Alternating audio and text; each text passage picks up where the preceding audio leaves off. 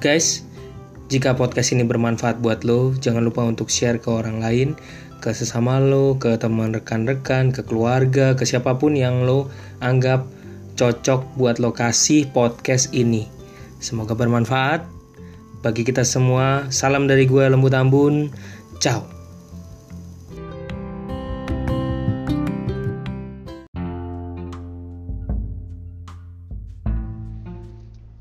Halo, selamat sore para investor pemula. Ketemu lagi dengan gue Lembu Tambun di Jurnal Lembu.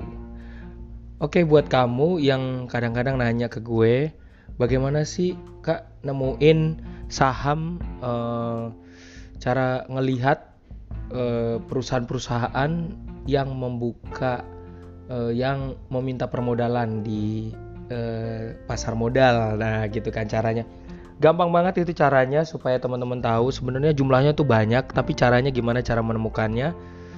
Eh, kadang-kadang e, banyak banyak investor pemula tuh tersesat sehingga hanya tahu yang yang apa direkomendasiin orang padahal gampang banget. Mari kita buka.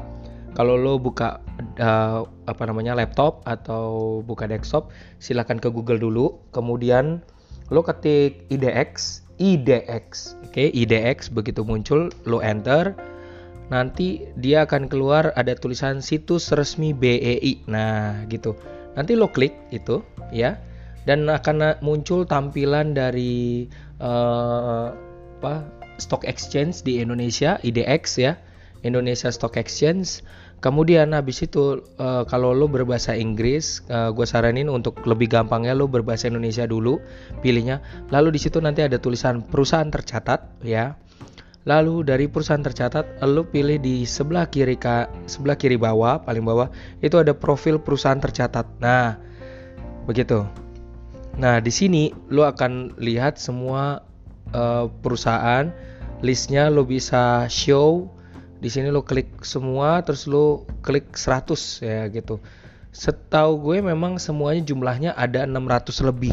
Jadi lo bisa lihat kapan perusahaan ini masuk, apa namanya dari A sampai Z dan tanggal pencatatannya di bursa efek. Kalau lo ngeklik ya salah satu misalnya yang paling atas itu ada Astra Agro Lestari. Oke, saham ini akan keluar detailnya profil perusahaan tercatat.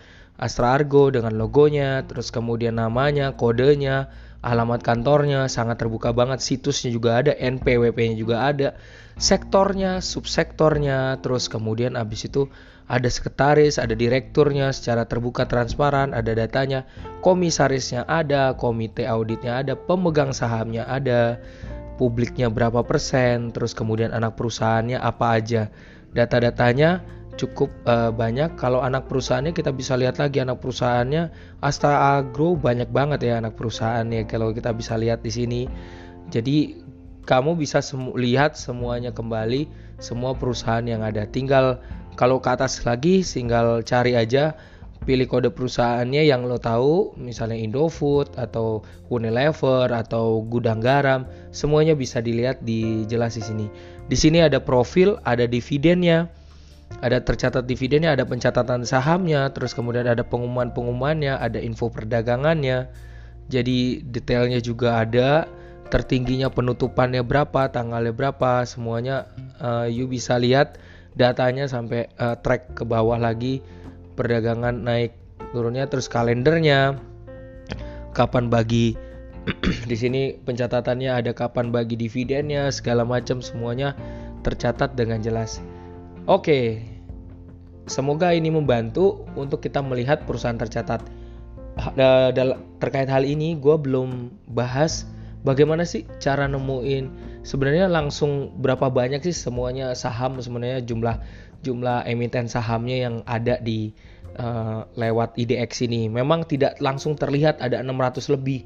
Jadi kita harus nyari sendiri. Tapi akan gue nanti akan kasih tahu dalam podcast gue berikutnya bagaimana cara melihat seluruh perusahaannya dengan alat yang berbeda dan pasti lo penasaran bagaimana menemukan dari 600 itu mana sih sebenarnya yang yang apa namanya yang saham yang murah atau saham yang berdividen jadi kadang-kadang dari data IDX memang tidak terlalu nampak ya. Jadi nggak mudah untuk mencari karena nggak ada searchingnya. Nah Nanti gue akan kasih tahu dalam podcast yang berikutnya cara menemukan uh, seluruh saham, melihat saham secara keseluruhan dan mana aja saham yang berdividen, termasuk yang berdividen dan murah untuk lo beli.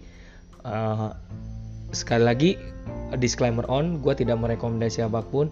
Ini tapi ini cara untuk membantu kita buat investor pemula. Terima kasih, semoga bermanfaat. Salam dari gua buat lo semua para investor pemula dari Lembu Tambun hanya di Jurnal Lembu.